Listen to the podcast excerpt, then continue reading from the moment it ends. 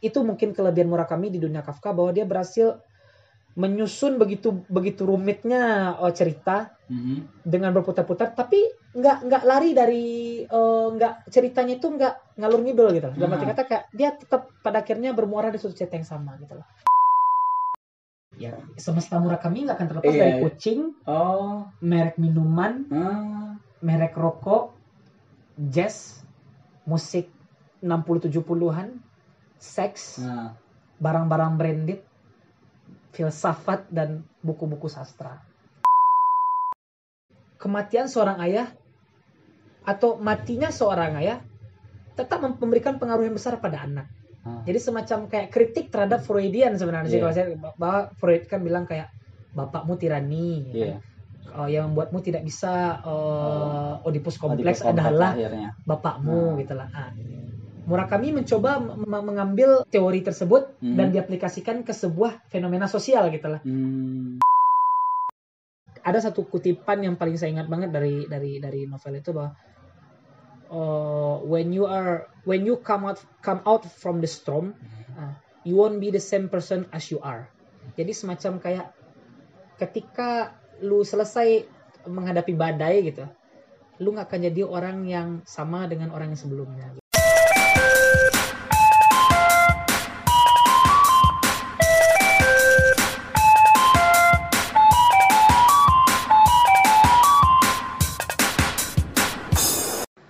Halo, selamat datang di Mapaba. Mari pada baca. Ini adalah episode kita yang terbaru. Nah, buat episode terbaru ini gue kedatangan tamu istimewa. Asik. Istimewa. untuk pertama kalinya, untuk pertama kalinya podcast Mari pada baca eh, kita diskusi sama anak sastra beneran. Sastra pura-pura ada. Oh, nah. ada ada ada Ada kata ya? yang sok-sokan kayak kita kan sok-sokan banget nih sebenarnya bahas-bahas buku padahal nggak tahu apa-apa. Ntar gue disemprot-semprot aja bang kalau misalnya gue enggak. sok-sokan sotoy. Minimal nggak ada itu ya nggak ada eh, kelas lah dalam diskusi ini gitu lah. siap siap siap. Mungkin kita perkenalan dulu kali ya. Nah ini ada Bang Oksan. Bang Oksan. Bang Oksan ini mahasiswa kah? Udah lulus kah atau lagi Hmm, apa nih? Kalau istilah para masyarakat di Instagram setengah sarjana, belum sudah. Oh, setengah oke. sarjana. Nah, sarjana gue juga setengah sarjana nih. Iya, baru selesai kompre. Oh, oke. Tapi belum wisuda. Kok gue belum sidang masalahnya. sidang apa-apa yang jelas kan nanti ada dia bakalan sidang Iya benar. Positif banget nih Bang Oksan ini. harus gitu kan Oke. berat ya Iya benar banget Bang. Kesibukannya apa dong Bang sekarang Bang?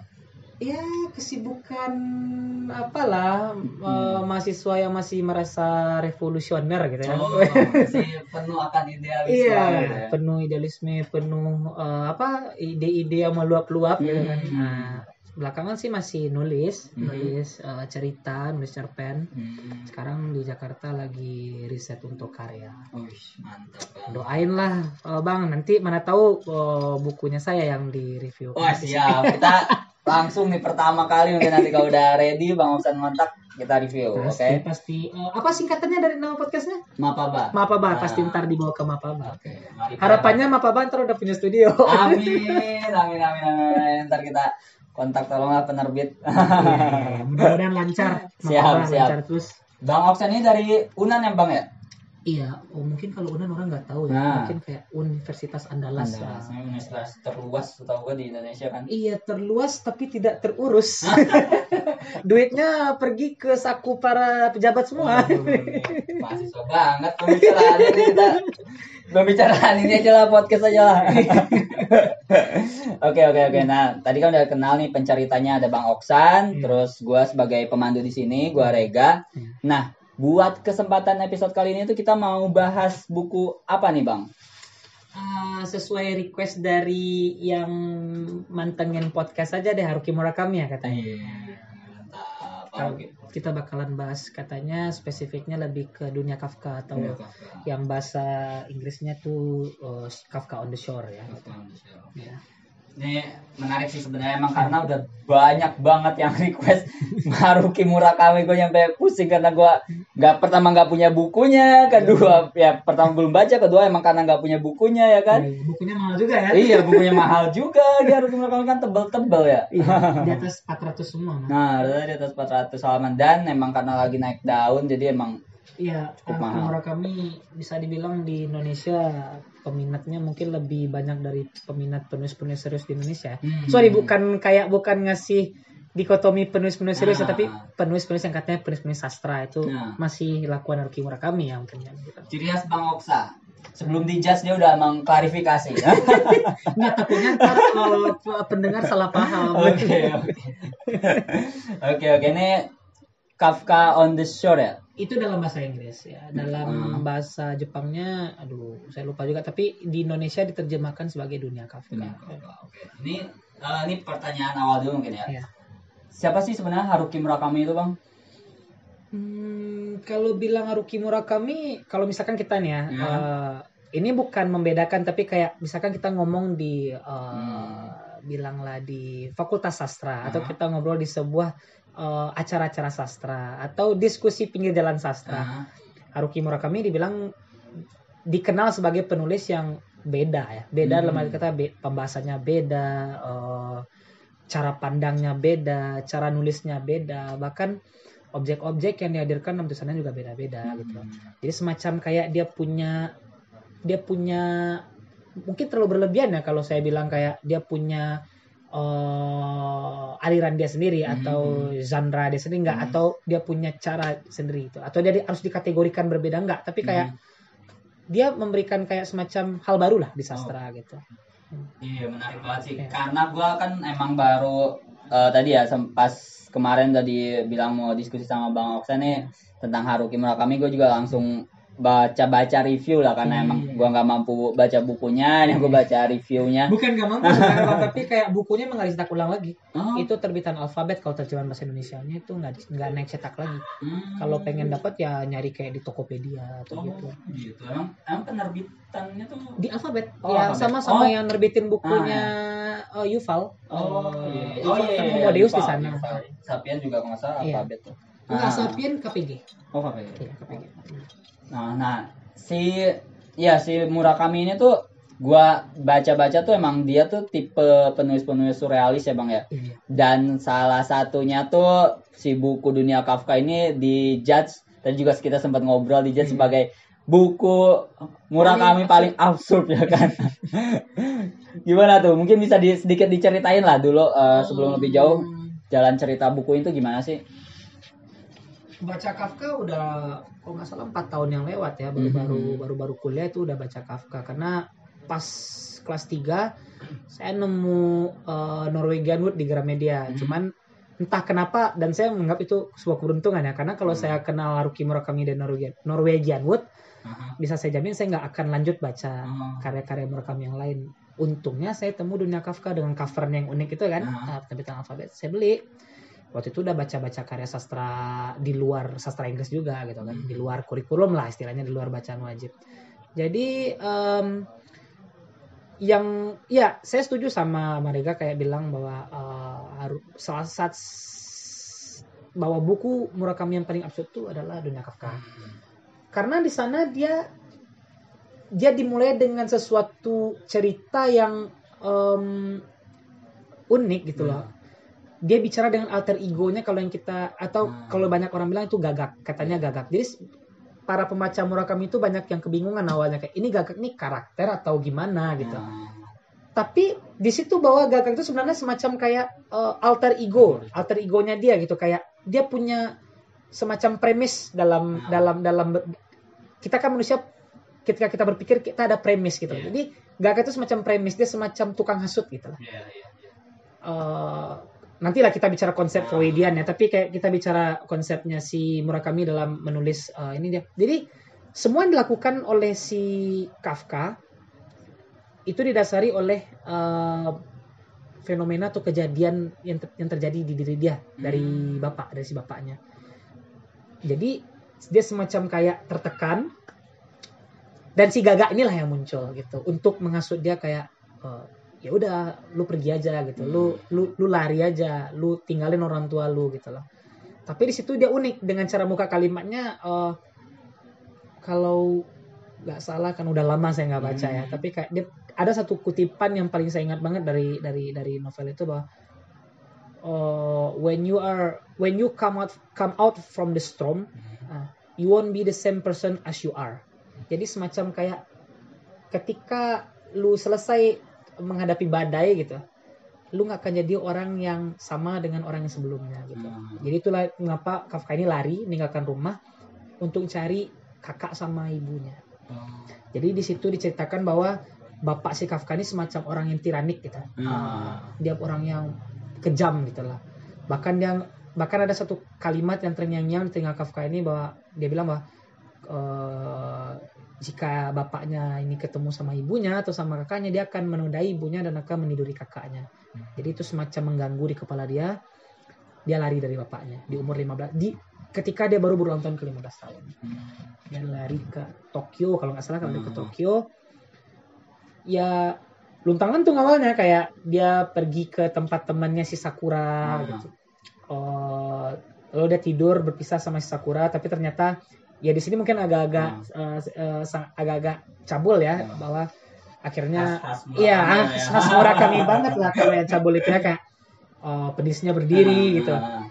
dan lucunya cara dia mengatasi eh, permasalahan gejolak seksual ini adalah si Sakura ini kan lebih dewasa daripada Hmm. dia. Si Sakura ini bukan ngeblow job dalam istilah kata kayak eh, dia dia mainin penisnya si Hmm. Kafka gitu. Ini maaf ya kalau katanya Iya. cabul tapi di sastra itu nggak terhindarkan Iya, ya. iya. Jadi yang menarik dari sebelum eh, s- eh, saya lanjutin eh, ceritanya, Ah. di situ yang menariknya bahwa Murakami selalu bisa menemukan cara-cara gitu cara-cara yang tidak kikuk ya bahasa bahasa sastra nggak kikuk lah gitu Hmm. dalam uh, memandang asmara percintaan gitu. Kalau kita bicara tentang fiksi di Indonesia sangat-sangat uh, umum dan uh, bisa dibilang ya umum dan terstruktur dalam artian kata kayak misalkan kayak ada dua orang gitu Ah. sepasang gitu ya Ah. sepasang uh, anak muda mereka se- uh, sekamar mereka pasti ngewe gitu Iya. dalam arti kata tapi kalau di Haruki Murakami itu yang menarik ya Hmm. semacam ya dia memberikan uh, cara pandang baru Hmm. gitu si Sakura nggak mau bercinta dengan si Kafka tapi dengan de- uh, dia mau memberi toleransi dengan oke uh, saya akan uh, mainkan penismu Hmm. gitu supaya kamu tidak memiliki me- mengalami su- su- supaya kamu tidak memiliki masalah seksual lagi pada malam sebelum tidur. Akhirnya dia mainkan penis si Kaf- si Kafka dan em, lalu eh, ejakulasi dan sudah habis gitu. Habis Hmm. besoknya Kafka, Kafka pergi. Kafka pergi dan akhirnya setelah mencari-cari nggak ada ya maksudnya kayak toko yang mau nerima anak eh, anak umur 15 kerja dia nyasar di perpustakaan karena dia suka baca juga anaknya Eh, dia nyasar perpustakaan dan minta ke di situlah awal perkenalannya dengan seorang eh, seorang yang nggak pria nggak wanita ya Hmm. dalam arti ya namanya Osima nanti dia semacam mengalami ke- eh, kelainan genetik Hmm. kelainan biologis secara seksual gitu loh. Uh, dia kenal Osima dan dia minta kerja sama Osima karena Osima senang lihat si Kafka ini. Karena Osima tuh disuruh kerja paruh waktu dan tinggal di sana sekaligus gitu. Hmm. Uh, jadi dia bisa baca, dia bisa Iya. lihat buku. Itu semacam bukan perpustakaan pemerintah ya, tapi perpustakaan milik filantrop gitu lah kayak Oh, iya. milik orang kaya ya. Hmm. Jadi orang kaya yang ingin ber- berkontribusi lah istilahnya Hmm. ke ke ke ke kota, dia dia mena- mem- mendirikan satu pustaka. Di pustaka, ah, itu yang menarik dari Iya. Haruki Murakami ya di pustaka seorang Kafka ini membaca karya-karya kayak karya-karya penulis-penulis Jepang, ka- karya-karya sastra, Ah. bahkan dia membaca eh, kalau tidak kalau nggak salah dia membaca biografinya Beethoven nanti gitu. Oh, Iya, Nah, gue jadi, sempat itu- ya, jadi itu ciri khasnya Haruki Murakami ya, Nah. dia selalu mengawinkan dua kebudayaan yang berbenturan gitu, Nah. kayak eh, kebudayaan eh, Western, Nah. kebudayaan Barat dan kebudayaan Timur gitu loh. Dan di em, dunia Kafka itu kelihatan banget gimana Murakami itu bukan berpihak ya, tapi dia semacam menyampaikan bahwa Jepang itu udah ter- sebenarnya udah terlepas dari kebudayaan Timur gitu. Nah, bahwa an- anak-anak Jepang itu nggak pakai kimono lagi, nggak nggak ada upacara-upacara Hmm. lagi. Mereka justru minum sake, ngerokok Marlboro, baca karya sastra luar gitu, loh, dengerin Beethoven, Hmm. dengerin musik-musik eh, pop, musik-musik punk gitu. Nah, Uh, dan itu direpresentasikan semuanya di dunia Kafka Hmm. gitu. Karena Kafka sendiri di situ digambarkan sebagai seorang karakter tokoh yang jadi hari-hari dia setelah lari itu dia ditemani oleh Walkman nah.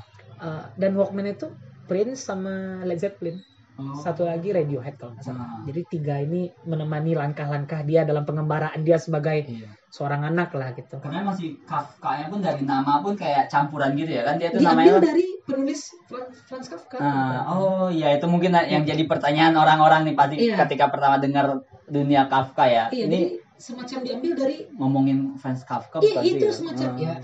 Jadi Jadi kami semacam menunjukkan bahwa Franz Kafka eh, kalau yang saya baca di eh, beberapa tulisan tentang Haruki Murakami, Hmm. his father names eh, Kafka, eh, eh, Kafka after his eh, son's name. Jadi Hmm. dia namain Kafka eh, di sebagai nama belakang dari nama anaknya Kafka Tamura gitu. Nah, Karena bapaknya seorang penggemar eh, Franz Kafka gitu.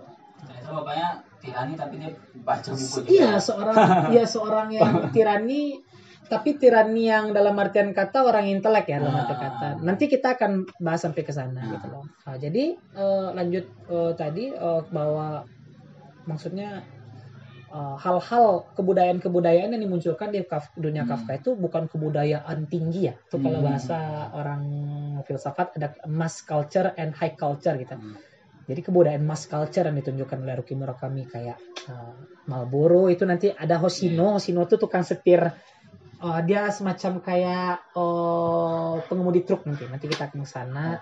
Uh, ada Hoshino yang makai kalau tidak salah pakai topi dragon keluaran uh, apa brand yang sekarang lagi apa Sukajan itu kalau nggak salah. Oh, ah ya jadi be- tapi Murakami nggak menyebutkan brand Sukajan Hmm. tapi kayak representasi dari uh, brand itu gitu kan naga gitu lah. Hmm. Uh, dan dia juga membahas masalah um, musik dari Led Zeppelin.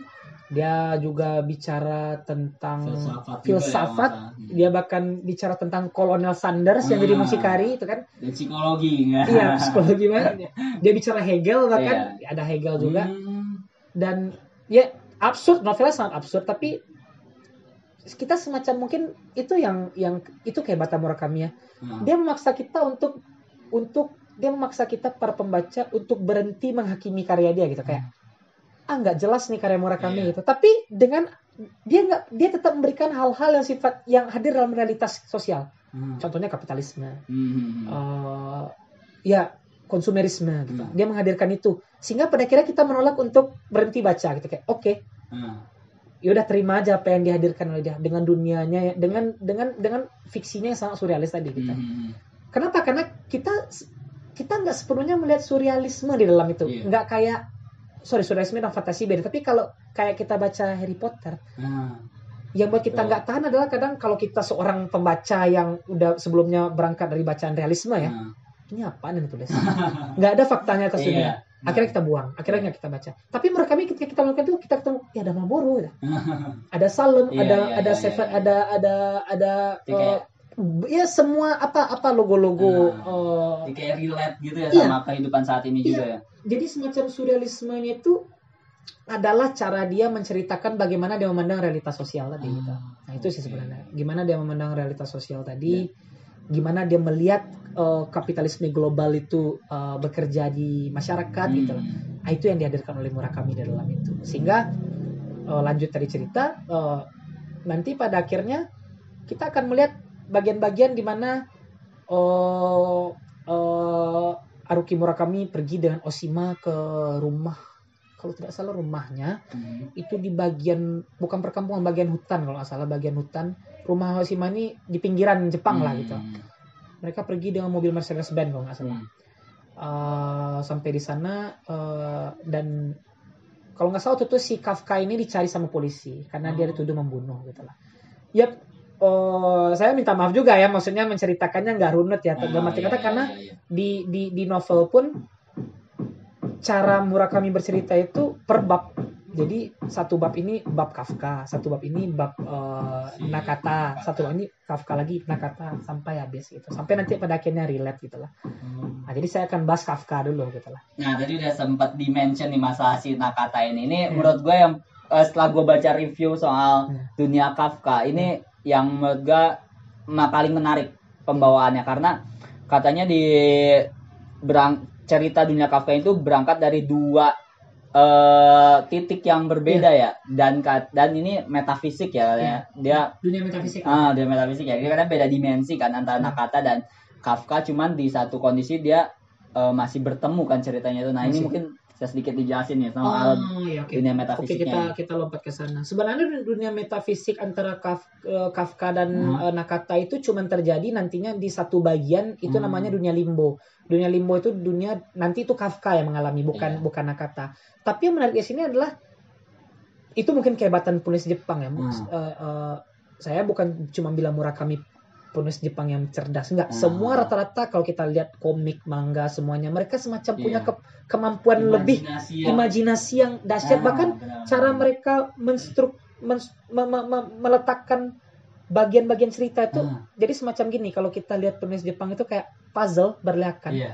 ada yang dia satu puzzle dia nulis gitu lah Hmm. jadi dia nggak nulis beraturan gitu lah jadi kayak semacam nanti akhirnya dia susun baik-baik gitu hanya orang Jepang mungkin yang bisa kayak gitu, gitu. Hmm, iya, iya. karena Murakami berhasil itu mungkin kelebihan Murakami di dunia Kafka bahwa dia berhasil menyusun begitu begitu rumitnya eh, cerita Mhm. dengan berputar-putar tapi nggak nggak lari dari eh, nggak ceritanya itu nggak ngalur ngidul gitu loh. Dalam arti Hmm. kata kayak dia tetap pada akhirnya bermuara di suatu cerita yang sama gitu loh. Hmm. Jadi Nakata itu di belahan Jepang yang berbeda. Mhm. Eh, Murakami eh, sorry eh, Kafka di Tokyo. Mhm. Pada akhirnya mereka ketemu nanti. Mereka ketemu. Jadi yang menarik dari novel ini sebenarnya bagaimana kelambanan novel ini ya. Jadi Hmm. ketika kita baca novel ini pertama-tama dia sangat lamban gitu lah. Hmm. Lamban, lamban, lamban. Pada akhirnya mulai menarik, mulai menarik, mulai menarik dengan segala bentuk surrealismenya yang ditawarkan dengan bentuk eh, irasional, irasionalitas lah istilahnya di dalam itu. Pada akhirnya kita menikmatinya gitu lah. Jadi itu yang itu yang menarik bahwa saya lanjut ya di Iya, Kafka iya, tadi boleh, sebelum boleh, nanti boleh. masuk ke Nakata Mhm. eh, di si Kafka ini ketiduran Mhm. dan kebangun lalu bajunya udah merah berdarah gitu lah. Oh. Ah, ini yang paling mengganggu di Murakami itu itu ya kayak kita selalu dihadirkan dengan hal-hal yang sifatnya surprising gitu lah. Hmm. Kayak kok bisa berdarah bajunya gitu lah. Hmm. Nanti melompat Ya, ke ya, bab ya, di ya, mana ya, ya, Nakata ngebunuh bapaknya gitu. Yang katanya bapaknya di situ Johnny Walker. Hmm. Bener-bener sebenarnya makanya saya kayak Johnny Walker. iya Johnny Walker pun ada di dalam novel itu kayak ini udah ini benar mau bahas dunia Wah, ini kebangetan banget ini. bener kebangetannya ya Colonel Sanders Johnny Walker gitu kan jadi kayak oh si Kafka ini eh sorry si Nakata ini bunuh Johnny Walker karena ingin nyelamatin kucing karena Hmm. profesi si Nakata kan Iya, tukang cari kucing kucing. Ah, jadi itu yang pada akhirnya membuat saya oh, ngeliat bahwa keunikan dari Murakami ini adalah pada akhirnya kita harus pasrah untuk menerima dunia yang dihadir dunia Nah, dunia, iya dia ya. dunia surrealisme yang Nah. dihadirkan di cerita dia gitu Hmm. Nah, jadi ya saya rasa segitu ya tentang Kafka ya. Nah. Oh, kalau Nakata ya seperti yang kita tahu dia sebenarnya Ka- Nakata itu kan alegori perang dalam arti kata kayak eh, Nakata itu sebenarnya digunakan sebagai alegori bahwa ada suatu kejadian gitu loh, eh, kejadian eh, di perang dunia yang diketahui oleh seseorang gitu loh. Tapi pada akhirnya seseorang tuh kehilangan kemampuan untuk menceritakan itu gitu loh.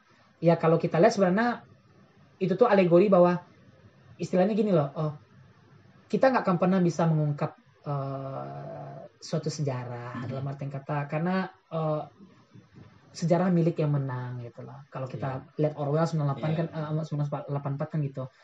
Nah, jadi Nakata tapi cara dia me- me- meng- me- me- mengalegorikan itu menggunakan Nakata menarik karena Nakata ini orang yang cerdas awalnya di sekolah. Juara satu, nilainya tinggi semua. Eh pada satu insiden ketika mereka sedang pergi ke bukan ke laboratorium, dalam arti kata mereka sedang pergi penelitian ke lapangan. Nakata ditemukan pingsan, Hmm. koma. Eh bangun-bangun koma dia udah nggak bisa eh, eh, apa nggak bisa ngomong lagi, dia nggak bisa baca. Dia bahkan dia bodoh istilahnya dia bodoh, tapi dia punya ke- satu kepandaian itu ngomong dengan kucing gitu. Nah, Jadi Apa kucing ya? ya semesta Murakami nggak akan terlepas Iya, dari iya. kucing, oh. merek minuman, Ah. merek rokok, jazz, musik 60-70-an, seks, Nah. barang-barang branded, filsafat dan buku-buku sastra. Itu semesta Pasti itu berarti Itu semesta Murakami. Kucing. Oh. Kucing pasti. Oh, Di semua baru novel Murakami ya. ada kucing. Di semua novel Murakami ada Pasti kucing. ada kucing. Pasti ada kucing. Wah, gila keren banget. Berarti ini udah jadi khas ya. Dia udah menciptakan ya Iya. mungkin itu kali ya. Kenapa eh, orang-orang tuh ada ya mu- mulai muncul istilah kayak nih novel kaf, eh apa Murakami banget gitu Iya, ya. Karena emang emang dia menciptakan gayanya dia sendiri ya. Dirinya sendiri. Kayak kalau kita bicara Kafka, Kafkask. Hmm, ada iya. Kafkaskwe, kita Kafkais gitu. Oh ini sangat-sangat Kafkais gitu. Dalam arti kata sangat-sangat absurd, Hmm. sangat-sangat tapi ya nggak nggak bakalan heran kalau nanti Murakami juga dapat eh, semacam legitimasi itu nantinya bahwa ini sangat-sangat Murakami banget Iya. gitu, sangat-sangat harukis banget gitu lah, sangat-sangat harukian lah gitu, sangat haruki banget karena semesta itu dalam semesta Murakami hal tuh nggak akan hilang. Bahkan dia pernah buat cerpen yang judulnya tuh Kota Kucing gitu. Hmm. Di mana kota tuh nggak ada manusia cuma kucing doang gitu. Hmm. Eh, imajinasinya sangat liar. Sa- Bahkan saking liarnya kadang nggak nyambung gitu. Tapi ya gimana ya dalam artian kata di situ kenikmatan baca Iya. Murakami gitu loh. Nah. Semacam kita tuh punya gambaran imajinasi yang berbeda dari yang Hmm. lain gitu. Oke. Jadi lanjut ke Nakata tadi, Hmm. Nakata tuh nggak bisa baca, eh, akhirnya dia punya profesi untuk eh, mencari kucing yang hilang. Nah, di pas pencarian kucing yang hilang ini, Nakata harus menemukan nama kucingnya kok nggak salah Goma. Goma. Jadi dia udah kebingungan nyari Goma ini eh, di mana itu segala macam. Datang kucing satu karena dia bisa ngomong sama kucing dia Nah. diliatin eh, suatu bagian di mana dia ngobrol sama kucing gitu. Eh, dia nanya eh, siapa namamu katanya. "Eh, ini ini ini istilahnya. Dia bilang "Oh, kau si pencari kucing ya? Iya. Ya. Ah, kau ingin mencari si Goma ya? Iya, saya ingin mencari si Goma. Ah, kau tidak akan menemukan Goma di sini karena Goma Goma Goma tertangkap oleh seseorang gitu. Hmm. Eh, saat ini dia sedang butuhkan kau. Lalu kucingnya pergi. Selalu kayak gitu. Nggak ada Nah. nggak ada nggak ada semacam kayak hint lebih yang diberikan di situ. Pada akhirnya si Nakata bertemulah. Bukan bertemu, saya lupa juga ceritanya. Tapi kok nggak salah pada akhirnya dia bertemu dengan Johnny Walker ini. Hmm. Bertemu dengan Johnny Yang Walker bapaknya itu. bapaknya si saya sebenarnya secara secara secara secara itu aja kita bisa secara implisit doang kita bisa Oh. menangkap itu bapaknya gitu loh Karena karena dia menunjukkan semacam kayak eh, inilah sulitnya menjelaskan novel Murakami ini sangat sangat kompleks gitu ya kayak dia bahkan mengutip-ngutip dia menggunakan Ah. kutipan-kutipan. Ya kan kalau kita baca Murakami kita akan menemukan itu. Seseorang merepresentasikan atau menggambarkan suatu pikirannya melalui kutipan doang gitu loh dia mengutip-ngutip dia mengutip-ngutip sehingga eh, ketika dia mengutip itu eh, lebih ke kutipan filosofis sebenarnya. Dengan kutipan yang sangat filosofis tadi nah kata yang yang yang nggak ngerti apa apa ini di situlah muncul semacam kayak eh, signature dari si Nakata ini. Oh Tuhan bisakah Tuhan berbicara lebih lebih lebih sederhana? Saya hanya orang bodoh saya hanya orang Hmm. bodoh gitu. Saya hanya orang bodoh. Kalau kita tangkap ini mungkin agak sedikit analisis ya. Kalau kita tangkap substansinya itu sebenarnya kritik Murakami terhadap bukan kritik Murakami teks itu mengkritik eh, fenomena-fenomena kayak eh, nabi-nabi lah dalam arti Hmm. kata gitu. nabi di kampus nabi intelektual apa Hmm. segala macam bahwa intelektual cenderung bicara dengan bahasa yang berat Nah, yang berjarak dari masyarakatnya sehingga masyarakatnya nggak ngerti gitu Iya. lah. sehingga pada Hmm. akhirnya intelektualitas tadi hanya milik segelintir orang iya. Eh, itu yang menarik dari Murakami dia mengkritik dari hal, -hal kecil tuh dia mengkritik itu melalui dialog-dialog yang dialog sehari-hari gitu Hmm. Ah, dan pada akhirnya nanti eh, si Johnny dia, dia- si Nakata kira nanya ini yang buat saya ketawa juga bacanya kan siapa nama tuan? Nama saya Johnny Walker kan? Kan konyol Johnny Walker kan merek minuman kan? Iya. oh jadi tuan yang berada di di sampul eh, bo- botol minuman? Tadi. iya itu saya ya kan? Ternyata tuan tidak setampan yang di botol di sampul botol itu ya kan? Konyol. Jadi kayak baca mereka itu kayak kita mengolok-olok kebudayaan populer gitu. Kita Ah. mengolok-olok kapitalisme tingkat global gitu kayak ya dia mengolok-oloknya dengan cara seperti itu gitu. Ah, pada akhirnya nanti dia dihadapkan oleh suatu pilihan. Hmm. Eh, dia menghadapkan dengan cara seperti ini. Eh, kau pilih mana menyelamatkan kucing si Goma ini Hmm. atau membunuhku pada akhirnya dia membunuh si uh, Johnny Walker. Johnny Walker.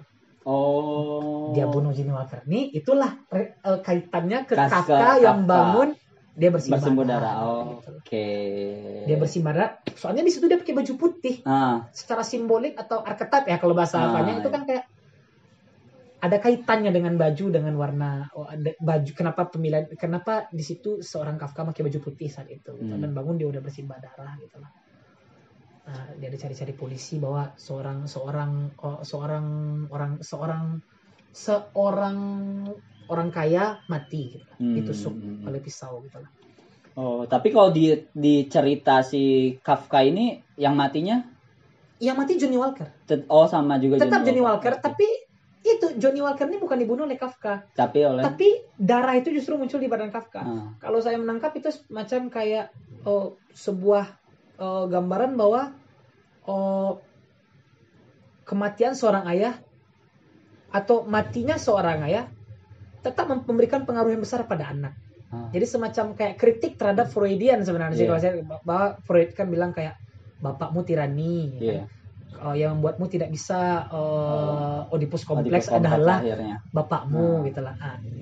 Murakami mencoba me- me- me- me- menggunakan me- mengambil eh, apa isti eh, bukan istilah semacam kayak eh, teori tersebut Hmm. dan diaplikasikan ke sebuah fenomena sosial gitu lah. Hmm. Tapi justru Murakami tidak men- secara mentah percaya dengan teori itu karena di situ dia justru melihatkan bahwa ketika bapaknya mati dia dapat semacam kayak dia bersimbah darah juga Bersimbah gitu lah. Oke. Mungkin itu ya, itu kan interpretasi Iya, iya, masing-masing iya, ya, iya, karena terlalu absurd banget novelnya. Saya sejauh itu saya nangkap kayak gitu ya kayak, oh ini mungkin kritik bahwa soalnya pada akhirnya seorang Kafka pulang ke rumah, Oh, akhirnya dia Kafka pulang. ini balik ke rumah lagi, Tapi nggak menemukan nggak menemukan keluarganya, keluarganya. lagi gitu. Oke. Jadi dia benar-benar kehilangan semuanya gitu. Pada Hmm. akhirnya dia cuma balik sendiri ke rumahnya gitu. Dan bapaknya. Bapaknya udah mati kan? Johnny Walker ini bapaknya, Oh, Johnny Walker itu bapaknya si. bapaknya si Kafka. Kafka. gitu. Oke. Jadi ketika ke- itu se- sebenarnya nggak disebutin bahwa Ah, Walker bapaknya iya. kan udah jelas kan bahwa ketika Johnny Walker mati darahnya tuh ke badan si Kafka. Si Kafka. gitu. Ah, itu dia. Oh. Itu menandakan bahwa ke sebuah kedukaan sebenarnya. Iya. Kedukaan, kedukaan bahwa darah dagingmu mati loh gitu loh. Hmm. Nah, mungkin aku nangkapnya kayak gitu ya, absurd banget. Gua gua gua mas gua sebenarnya lagi mencoba mencerna ya poin-poin itu. Emang absurd banget ya. Kayaknya gua harus baca sendiri nih harus kayaknya. sangat harus dibaca Oh karena iya. novel itu semacam kayak eh, nggak ada ending. Dia nggak Ah. punya ending novel tuh kayak udah Kafka lari akhirnya balik ke rumah gitu. Dia lari balik ke rumah dan Nakata akhirnya mati nanti. Nakata mati. Oh, udah katanya. Mas. Nakata mati. Nakata mati karena tiba-tiba mati doang. Hah? Aneh kan? Nakata mati karena tiba-tiba mati doang gitu lah.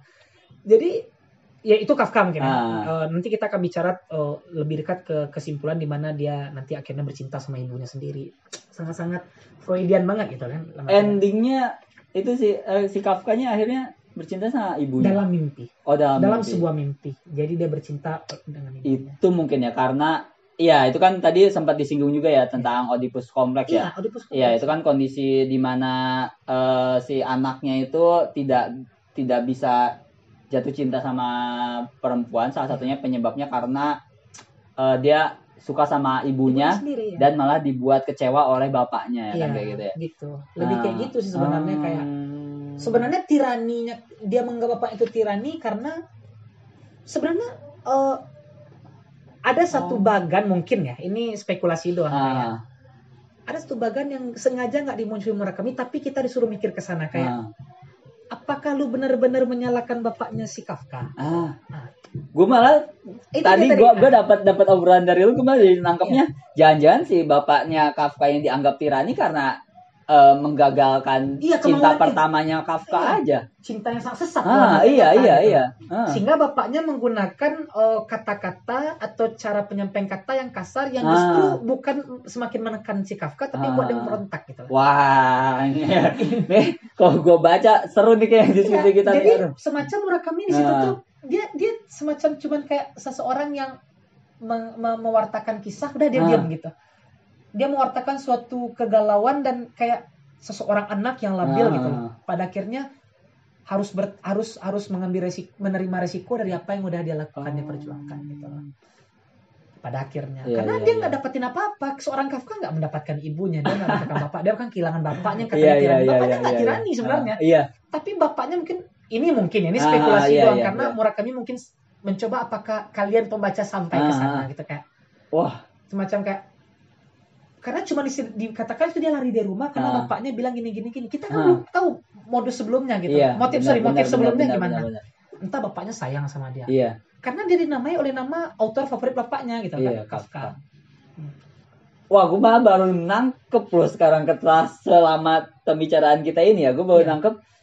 Ya berarti ke apa namanya prasangka Kafka terhadap bapaknya bahwa suatu saat kalau misalnya bapaknya bertemu ibunya dan kakaknya itu eh, dia akan melecehkan ibunya Iya. dan ber, apa bersetubuh sama kakaknya itu ya nggak mungkin itu iya nggak akan mungkin. itu cuman pemikiran anak kecil yang nggak mengalami kondisi Oedipus complex. iya Wah gila nih.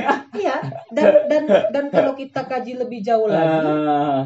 eh, ada semacam ketika si sekarang gini kenapa Ah. seorang Johnny Walker yang yang secara implisit di situ tuh di- digambarkan sebagai bapaknya Kafka Ah. memberikan pilihan kepada orang se, se, se, se- yang digambarkan bodoh sebodoh Nakata Ah. simple karena itu menandakan bahwa seorang Johnny Walker ini mungkin Hmm, agak di luar hmm. konteks tapi Johnny Walker itu dianggap sebagai seorang yang mungkin sudah melakukan kesalahan di atas dunia sehingga dia dia tidak mau lagi mendikte dirinya sendiri Mhm. dan dia memberi- memberikan kehidupannya maksudnya kesem, oh, kesempatannya untuk melanjutkan hidup atau Hmm. nggak hidup di atas dunia kepada seorang Nakata gitu Ah. dengan memberikan pilihan mana yang kamu pilih manusia atau kucing Ah. pada akhirnya Nakata memilih kucing gitu dan membunuh seorang Johnny Walker gitu. Di sini semacam kayak Johnny Walker ini adalah orang yang kalau Iya, kita iya, ngomong secara konyol mungkin orang yang udah sadar gitu lah, semacam Ah. orang yang yang dulunya mungkin jahat tapi sadar gitu. tobat lah ya Tobat atau orang yang kecewa dengan dunia atau Ah. gimana gitu. Dan kompleks karena Nona Saiki ini sendiri Saiki yang ini? Nona Saiki ini adalah mamanya si Kafka, tapi tetap nggak digambarkan Saiki ini yang- Saiki, Nona Saiki. Saiki. Nona Saiki. Jadi di situ tuh dia digambarkan sebagai anak dari pemilik perpustakaan besar tadi gitu. Oh, yang ketemu yang sama jadi si- fetisnya si Kafka Ah. ini, kenapa dia fetis? Kenapa kenapa setiap lihat Nona Saiki aku fetis dia istilahnya gitu. Ah. Sampai dia mimpi basah berkali-kali Iya, dengan Nona Saiki. Nah, padahal Oh. itu ibunya gitu lah. Oh. Oh gue kena gocek Murakami. Iya bener-bener kayak ya mungkin abang yang belum baca aja udah Iya. udah mumet Iya iya iya. iya. aja saya yang baca gitu kayak ini novel apaan ya. Tapi lama-lama pada akhirnya Ah. ada beberapa hal yang bisa dikaitkan walaupun masih menyisakan beberapa Ah. hal yang bisa dijawab. Contohnya Colonel Sandar. Kenapa nggunain Colonel Sandar sebagai mucikari? Konyol kan? Oh, kalau Sanders. Colonel selalu- Sandar datang lalu mengutip Hegel. Ah. Ada pergi lagi menawarkan oh, wa- wa- wanita oh, cewek Ah. pelacur Ah. ya ternyata kuliah di filsafat. Konyol kan? Kenapa Kenapa bisa? Kok novelnya kayak gini? Oh gila. Ini novel konyol gitu. Kayak, Ah. mahasiswa filsafat Ah. yang notabene kita kenal sangat, Sangat, elegan, iya, sangat, elegan, sangat, sangat, sangat esensial lah kita nyentrik, ya kan. nyentrik. Justru Nah, bercinta dengan seseorang super truk si Hoshino nanti. Kenapa supir truk anjing? Sama super truk si Hoshino tadi. Gitu. Iya iya iya. iya. Jadi semacam kayak Murakami itu menggambarkan keresahan-keresahan Ah. orang-orang dari kelas yang berbeda-beda. Ah. gitu loh. Gimana sih? Maka dia keresahan? membenturkan antara sosok yang sangat elegan Iya, dengan sosok yang dianggap remeh ya. iya, dia nggak remeh. Oh. Sosok yang sangat elegan, sosok yang sangat menjunjung tinggi kebudayaan kebudayaan tinggi kayak Ah. musik Beethoven apa Iya, segala iya, iya. macam. Dihantam dengan orang-orang yang truk. iya sopir truk gitu kayak Hoshino, Ah. O- Nakata Ah. yang menjalani hidup aja udah syukur gitu. Iya. Yang nggak punya yang nggak punya gambaran gambaran berlebihan akan Ah. hidup gitu lah gitu. Oke. Sedangkan Nona Saiki ini nggak bisa move on eh, dalam arti kata tetap galau menggalaukan eh, pacarnya yang mati pas kerusuhan Jepang. Pacarnya Hmm. itu kena pukul sama aparat gitu. Hmm. Jadi ceritanya kayak ini novel emang kayak ya kalau eh, saya pribadi nilai ratingnya ya kalau apa, Nah, dari estetika estetika saya ya maksudnya maksudnya standar estetika saya di di di di di, di, di novel empat boleh bagus tapi kayak orang lain yang nggak kebiasa baca Hmm. empat berarti dari lima. iya empat dari Empat lima, dari ya. lima. tapi kayak orang yang nggak suka dengan itu mungkin akan nilai ini novel dua atau novel Ah. gagal tapi kayak saya unik cara dia Iya, iya, banyak iya. sih di Gua 550 halaman Ah. yang dia cer- sorry 599 halaman yang dia ceritain itu dia bicara tentang Jepang pokoknya dia bicara semua Hmm. tentang Jepang tentang perang tentang time travel time travel ini lebih unik lagi si time travel. time travel bukan ada time travel dalam itu kayak dia kan diantarin sama si o, Ah. O- O- Oshima tadi Ah. ke ke tempatnya di pegunungan Ah. rumahnya. Yang mana banyak buku sana. Nanti Iya. dia baca Hitler dia baca itu. Banyak lah. Aneh-aneh aja gitu. Eh, terus nanti udah dilarang sama Oshima jangan main ke hutan karena hutannya Ah. lebat. Kau akan tersesat. Tapi karena ya tahu anak kecil bandel Iya. kan. Dia main ke hutan. Eh tersesat. Ketemu sama tentara Jepang berdua lari ke arah dia. Eh, Ternyata dia eh tentara Jepang berdiri ternyata ketika dia masuk itu dia di dunia ke masa lalu. ke masa ya ke, bukan ke Oh. sebuah dunia metafisik Oh, dunia dimensi berbeda Dimensi lain. di mana katanya waktu itu lambat berputar katanya Hmm. tapi orang-orang di dunia itu digambarkan orang-orang ya orang tentara Hmm. segala macam gitu. jadi sebenarnya itu tuh eh, refernya ke re- re- relate-nya sebenarnya ke perang dunia kedua sebenarnya gitu Oh, oke. maksudnya bahwa eh, ya kayak tapi cara dia menceritakan itu dengan cara yang surrealis seperti itu Ah. gitu. Nanti lu dia eh, nemuin si tentara yang berdiri di pintu tadi. eh, tinggal di sini asik katanya. Ah. Tapi saya ingin tetap balik ke dunia yang tak saya yang tak saya inginkan. Oh. Jika kau memilih untuk tinggal di sini maka kami akan menutup gerbang. Tapi jika kau ingin keluar masih ada kesempatan. Oh, jadi si Kafka itu sempat tertarik untuk tinggal di Di dunia limbo itu, itu. di dunia limbo itu. Nah, Hmm. Pada akhirnya Kafka bilang eh, dia akan meninggalkan dunia limbo ini gitu. dia akan pergi keluar tapi tidak akan ada jalan kembali gitu. Oh. ya nggak apa-apa setidaknya aku pernah merasakan dunia ini tidak di antara tentara tuh tentara tuh balik lagi Ah. tentara Jepang jadi emang kayak ceritanya mind blowing sih kayak kalau Iya. kita baca dunia Kafka kayak itu mungkin pencapaian artistik tertinggi Murakami mungkin ya Ah. di luar kronik burung pegas dan 1K84 itu semacam kayak justru keanehannya itu yang membuat karya itu enak dibaca gitu lah. Iya. Semacam gini loh bang, kayak kita baca Murakami itu yang khususnya dunia Kafka itu kayak kita kita nggak nggak kayak siap baca Sartre. Kalau baca Sartre kan kita Iya. mual gitu kayak Iya. apaan ini rumit. Murakami lebih rumit sebenarnya pada Sartre, Ah. tapi Pembawaannya. pembawaannya itu yang Ah. buat pada kita bisa namatin itu tuh agak empat hari lima hari gitu lah. Saking Hmm. asiknya cerita itu gitu lah. Walaupun pada akhirnya nggak ada ending apa segala macam. Gitu. Oh, endingnya tuh Nggak ada, cuman selesai doang gitu Ah. ya. Dia pergi dari perpustakaan meninggalkan Oshima dan balik pulang. Udah itu doang. Dia ingin sekolah katanya. Hmm. Udah itu doang. Wah, gila. gue yang denger cerita lu aja. Ya. Ini apa sih? Ya. Kayak muter banyak banget cerita ya. Maksudnya tuh Dia memadatkan satu banyak cerita dalam hmm, satu ba- buku. banyak berarti banyak pesan yang emang ingin dia sampaikan, banyak banyak kritikan yang ingin dia eh, singgung juga sebenarnya. Tapi dalam satu buku, gua semakin penasaran sih sebenarnya dengan mendengar itu dan ya mungkin butuh orang jenius atau orang yang mengerti sastra kali ya kalau buat memahami tentang isi dari buku Kafka. Hmm, Kafka on the Dunia, ya. Uh, sebenarnya sebenarnya yang buat kita uh, kesal sama dunia Kafka itu adalah dengan nggak adanya penyelesaian di, di setiap cerita gitu. Ah. Semacam nggak ada penyelesaian konkret kayak cerita itu dimulai dan di, maksudnya cerita itu mulai ada konflik, tapi Hmm. konfliknya agak semacam kayak udah udahan doang gitu kayak nggak ada penyelesaian gitu loh.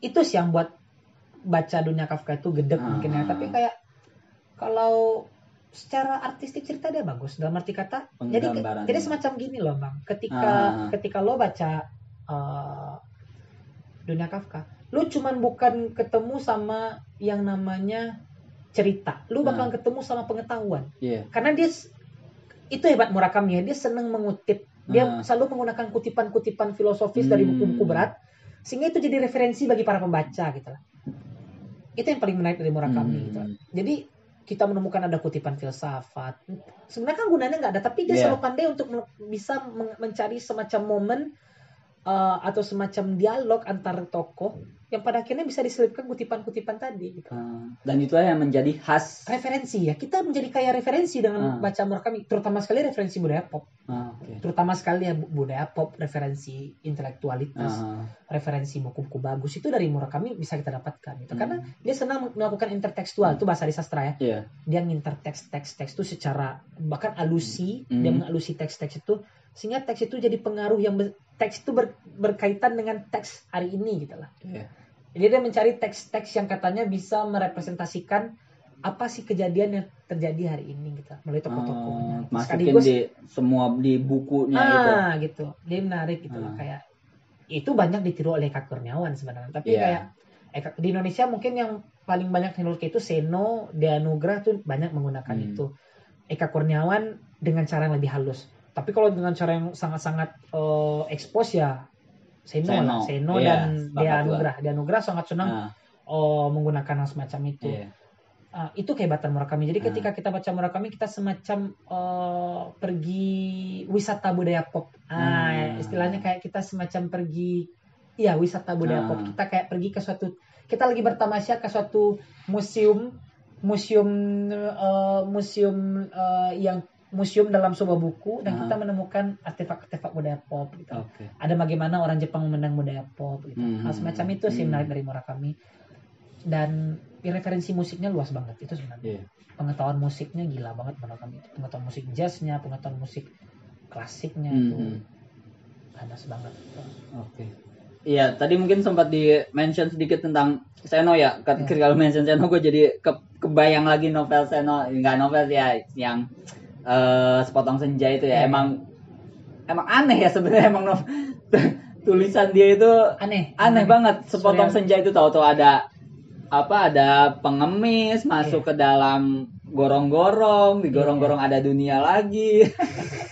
sangat-sangat eh, imajinatif ya Iya, ketika lu mention itu, terus tadi bercerita tentang Murakami, lah iya ya bener ya Murakami banget ternyata Seno ini. iya sangat-sangat iya yang yang yang yang yang saya salutin dari Murakami mungkin adalah gimana sih tahapan ketika dia ketemu editornya dia itu mungkin ya kayak Oh, ketika suara Murakami Ah. berarti Murakami nggak bisa punya dia punya editor khusus dia mungkin nggak Oh, punya editor iya, iya. kayak kalau kalau kita jadi penulis misalkan di Indonesia Iya. lu mau nerbitin buku di mana mau nerbitin sini ya udah kita harus pasrah terima Iya. editornya gitu tapi Murakami nggak mungkin nggak semua editor suka dengan Iya, karya kayak ini apa gitu loh kayak Iya. Itu fenomena baru mungkin kan ya sastra Ah, kayak ah. nulis nggak selesai nulis lompat-lompat gitu lah kan Ah. Tapi gua ada pertanyaan nih bang. Ini kan eh, ya terkait masalah buku ini mungkin kita sedikit loncatin dulu. Kita bahas tentang Murakami sedikit ya. Iya. Eh, menurut lu gaya-gaya novel kayak Murakami itu udah ada dari sejak lama ataukah emang ini gaya yang baru dan ada nggak sih eh, penulis-penulis luar yang emang menyerupai Murakami ataukah mungkin menjadi salah satu referensi Murakami ternyata dalam menulis? Em, jawab yang pasti dulu berarti ya jawab yang Ah. pasti dulu ya yang pasti dulu Murakami itu dia berangkat dari karya-karyanya William William Burroughs dia Hmm. berangkat dari William Burroughs dia berangkat dari karya-karyanya dulu Pak Jack Kerouac Jack Kerouac kayak Hmm. eh, jadi Jack Kerouac itu semacam kayak mereka dulu dengan Al- Allen Ginsberg Al Allen Ginsberg itu semacam buat sebuah gerakan gerakan kepenulisan namanya the Beat Generation jadi Hmm. mereka menentang kemapanan sastra-sastra Ah. sastra-sastra yang klasik itu. Sastra mereka sangat ya ada bir, Coca-Cola Iya. dalamnya. Sangat-sangat kontemporer lah gitu. Ah, Sangat-sangat dengan penyampaian yang bana. Hmm. Bahkan Bukowski pun seperti itu juga ya Ah. kalau kalau kita baca Charles Bukowski gitu. Ah, Murakami berangkat dari sana. Jadi semacam hmm. kayak Murakami ini sebenarnya apa yang ditulis sama dia itu tentang mas, tentang dia, tapi dia Iya. dia bisa mencampur adukan dengan dengan Oh. imajinasi yang lain. Dia sebenarnya lahir dari keluarga yang berpendidikan. Ah. Jadi bapaknya itu dosen, bapak itu guru sastra. Oh, Murakami itu. Tapi Murakami nggak mau baca sa- sastra-sastra Jepang. Ah. Bapaknya marah karena dia suka denger jazz, dia suka Ah. baca, baca dia pergi ke loak buku, dia cari buku-bukunya Dostoyevsky, Ah. Kafka. Yang nggak nggak dia banget. Makanya Murakami pernah ngomong di suatu wawancara itu di The Guardian kalau nggak salah, The Hmm. Guardian. I am an outcast of Japanese literature gitu. Kayak Hmm. saya tuh adalah penulis terbuang gitu lah. Saya tuh adalah penulis terbuang dari kesusastraan Jepang. Hmm. karena dia tracing gitu kayak dia Iya. dia tuh terlepas dari Jepangnya banget Ah, iya. nggak ada Jepang dalam karyanya gitu loh sangat sangat dia tuh sangat sangat barat gitu lah Hmm.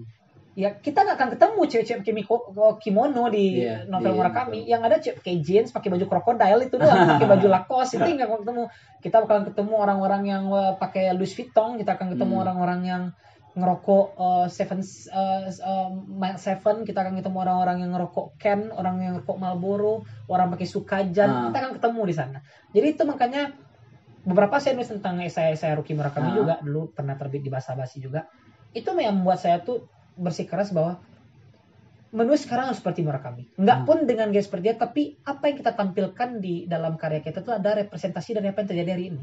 Hmm. Bukan suatu keberjarakan gitu lah. Iya. Dengan semakin Ah. berjaraknya isu-isu, berjaraknya suatu bahasa, otomatis orang di mana kita sekarang dibenturkan dengan dunia digital, jadi, jadi makin malas baca buku gitu. Iya. Ngerti nggak maksud maksud Iya, ngerti, maksud, ngerti. maksud gue kayak sekarang gini, siapa yang mau baca Sultan Alita, eh, eh, sorry, siapa yang mau baca Mara Rusli, Siti Hmm. Nurbaya? Iya. Nggak ada. Tapi seseorang penulis bisa membuat cerita seperti itu dengan warna yang hari Kondisi ini, saat ini kondisi ya. saat ini, oke. yang relevan dengan hari ini. Gitu. Sehingga dia bisa eh, pembaca pun bisa merasa ini relate ya, Ya relate ini dengan ini ini merepresentasikan gua banget. Ah. Gua, gua ngerasain ini. Ah, Ah, Murakami di situ kecerdasannya. Dia Ah, semacam kayak dia tahu apa yang diinginkan oleh anak muda gitu. ah, Dia pengen sebuah percintaan di sebuah hotel yang ada musik bluesnya. Jadi semacam Ah. hal semacam itu yang dia munculkan dalam karya-karyanya gitu. oke. sehingga ketika ya wajar aja ketika karya-karya Ruki Murakami banyak dibaca di stasiun, banyak dibaca di kafe, karena emang itu banget yang Iya. dibuat oleh Murakami gitu. Jadi sebagai penulis harusnya kita nggak pun kita menulis hal-hal atau tema-tema seperti Murakami, Ah. tulislah yang tidak berjarak gitu. Dalam arti Oh, kata tidak. yang bisa di, di- dimak- bisa dinikmati secara universal atau pembahasannya sangat-sangat universal. Hmm, Apa yang dirasakan oleh orang ini juga dirasakan oleh orang lain. gitu Oke. itu sih sebenarnya. Jadi yang Hmm. buat sastra itu semakin nggak digandrungi itu tadi karena selain pembahasan yang berlibat, berkelibat kayak gitu kayak ribet, Ah, eh, penggunaan bahasa yang berat, ah, yang kalau kami menyebutnya bahasa horizon ya, bahasa langit gitu hmm, kan. hmm, Nah, ditambah dengan isu yang sangat lokal, hmm. di- gimana coba orang bakal tertarik Iya. membacanya gitu. Oke. Pertanyaan terakhir nih bang, Ya. karena ini udah beberapa udah Ya. berapa menit juga udah panjang banget ternyata kita nggak kerasa. Pertanyaan terakhir gua nih tadi sempat di eh, mention sama lo sempat dibahas kan bahwa eh, bahwa apa ya kita ketika menulis ya baiknya memilih eh, memilih kondisi yang emang relate dengan kehidupan saat ini dan juga nggak nggak terlalu ini ya. bahasa yang digunakan juga nggak pakai bahasa langit ya kan? Ya, bahasa berat ya.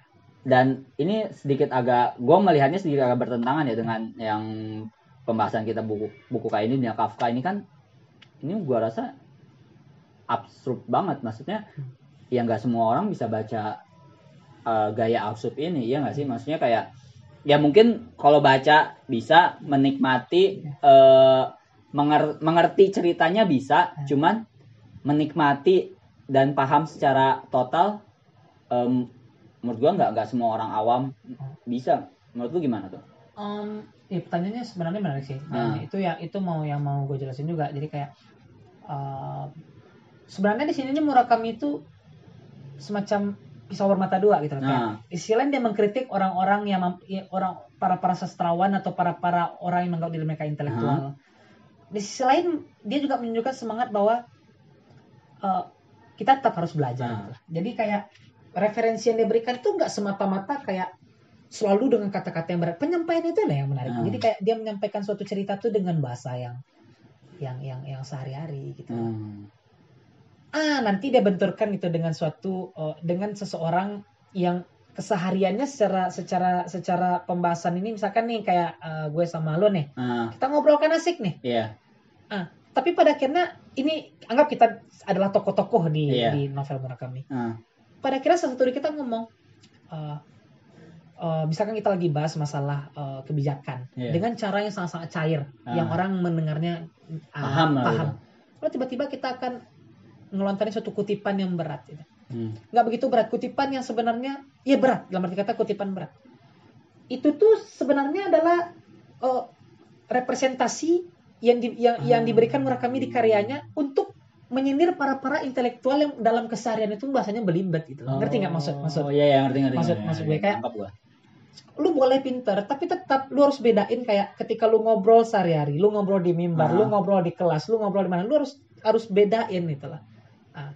Oh untuk merepresentasikan suatu pemikiran Ah. lu untuk menggambarkan suatu pemikiran lu itu nggak apa-apa. Lu menggunakan suatu kutipan atau apa tapi dalam keseharian dalam kita komunikatif harus komunikatif. Nah itu yang di, yang disampaikan yang coba disampaikan oleh Murakami gitu loh. Jadi Orang-orang di karakternya itu Hmm. digambarkan sebagai orang-orang yang banyak orang-orang yang pintar Iya, apa segala macam. tapi orang yang tidak senang untuk uh, ber- menggunakan bahasa yang syarat akan terminologi Nah, lebih kayak iya. gitu sih gitu. Makanya kenapa dipilihnya sosok Nakata ya yang Iya dia Bodoh itu. kata Ah, sehingga iya, membuat iya, iya. orang-orang yang mengaku di jajaran tadi itu ah, orang-orang yang pi- mengaku pintar yang duduk di eh, yang punya jabatan tinggi itu kebingungan gimana cara ah, ngomong ke Nakata iya, gitu iya, iya, Kan iya. tajam Ah, banget tuh kayak, ah, dia kehabisan kata orang itu Ah. gimana cara ngomong ke si Nakata ini gitu ah. loh dia tuh udah dia tuh bukan sok pintar tapi dia malah ngaku saya bodoh tuan Iya. tolong jelaskan lebih sederhana. Sehingga orang-orang yang ngaku tadi pintar tadi pun nggak bisa jelasin dengan sederhana. Kenapa Ah. karena pada dasarnya mereka nggak pintar gitu loh Iya.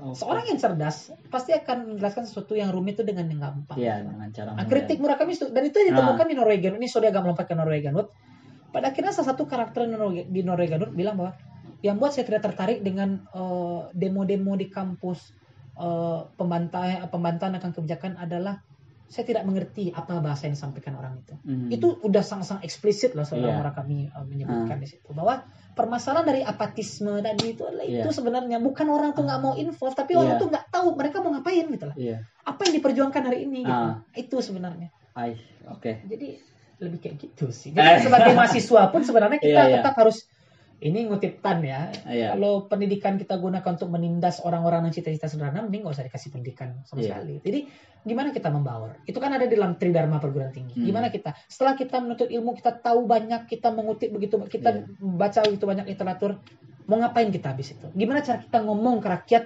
yang duduk yang kesehariannya buat lotek kesehariannya buat lontong gimana caranya Hmm.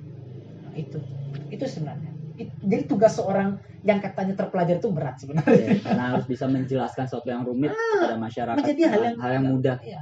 Oke. Menarik banget sih pembahasan kita episode kali ini. Ya. Cuman emang karena waktu ya, Bang Iya. ya. Mungkin nanti bisa kita ngobrol-ngobrol lagi asik iya dong, harus lebih rame lagi soalnya kemarin gue lihat rame itu yang Iya. Heeh, ntar sekarang sepi doang gitu Iya, ntar gua panggil teman-teman gua biar lu dikeroyok dah, tanyain segala macam.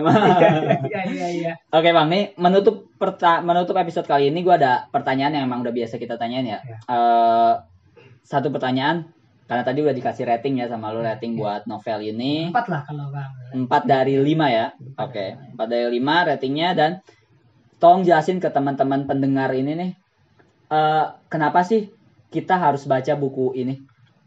Em, pertama sekali mungkin kenapa kita baca Murakami adalah selain dia memberikan warna baru ya dalam ke- Mhm. kepenulisan eh, fiksi ya Hmm. saya nggak mau nyebut sastra ya terlalu berjarak banget lah itu kayak terlalu agung banget kalau nyebut sastra kayak penulisan fiksi mungkin ya Uh, ya Haruki itu mungkin salah satu dari beberapa atau mungkin banyak ya karena mungkin Hmm. belum semua tereks, ter, ter, terekspos ya atau Hmm. semuanya uh, saya bisa baca gitu ya Haruki mungkin itu adalah satu dari beberapa penulis yang sadar ke mana sastra harusnya dibawa hari ini gitu. Hmm. semacam kayak bagaimana sastra itu harusnya ditulis hari ini bagaimana sebuah cerita pendek harusnya disampaikan hari ini supaya di tengah krisis kita kan krisis kebudayaan nih bisa Iya. bilang kan sangat-sangat krisis kebudayaan kita Hmm. buka- bahkan kita mungkin nggak krisis kebudayaan bang tapi lebih kayak kita hari ini lebih cenderung ke digital Iya. cenderung ke teknologi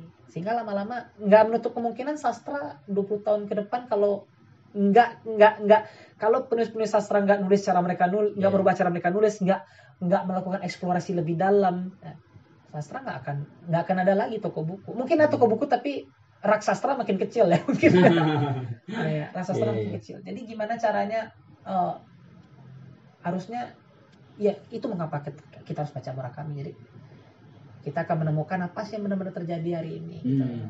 minimal kita dapat gambaran oh begini cara kita berbicara di tengah zaman yang sangat kontemporer gini kita bicara di tengah masyarakat yang sangat posmo kata Hmm. orang itu gitu kan kita sangat di tengah posmo Iya. banget hari ini gitu lah apa apa brand apa apa Iya. brand sekarang udah ada local pride brand ya semuanya brand semua di branding Iya. gitu kan makanan di branding Hmm. ya pecelayan doang rasa sama uh, harga harusnya 15.000 tapi karena di branding pakai rotan jadinya 35.000 gitu kan. Jadi kita di tengah itu, Hmm. kita di tengah uh, kapitalisme yang makin makin halus cara kerjanya. Iya. gitu. Jadi cara kita untuk menyadari itu adalah selain selain selain selain baca novel, selain baca karya fiksi, eh sorry, selain analisa teori, selain berita-berita yang datang dari uh, uh, media-media independen, Mhm. ya kita harus baca sastra terutama Hmm. sekali sastra yang bicara ko- sastra yang berada dalam konteks sosial hari ini Hmm. itu salah satunya dalam murakami itu sih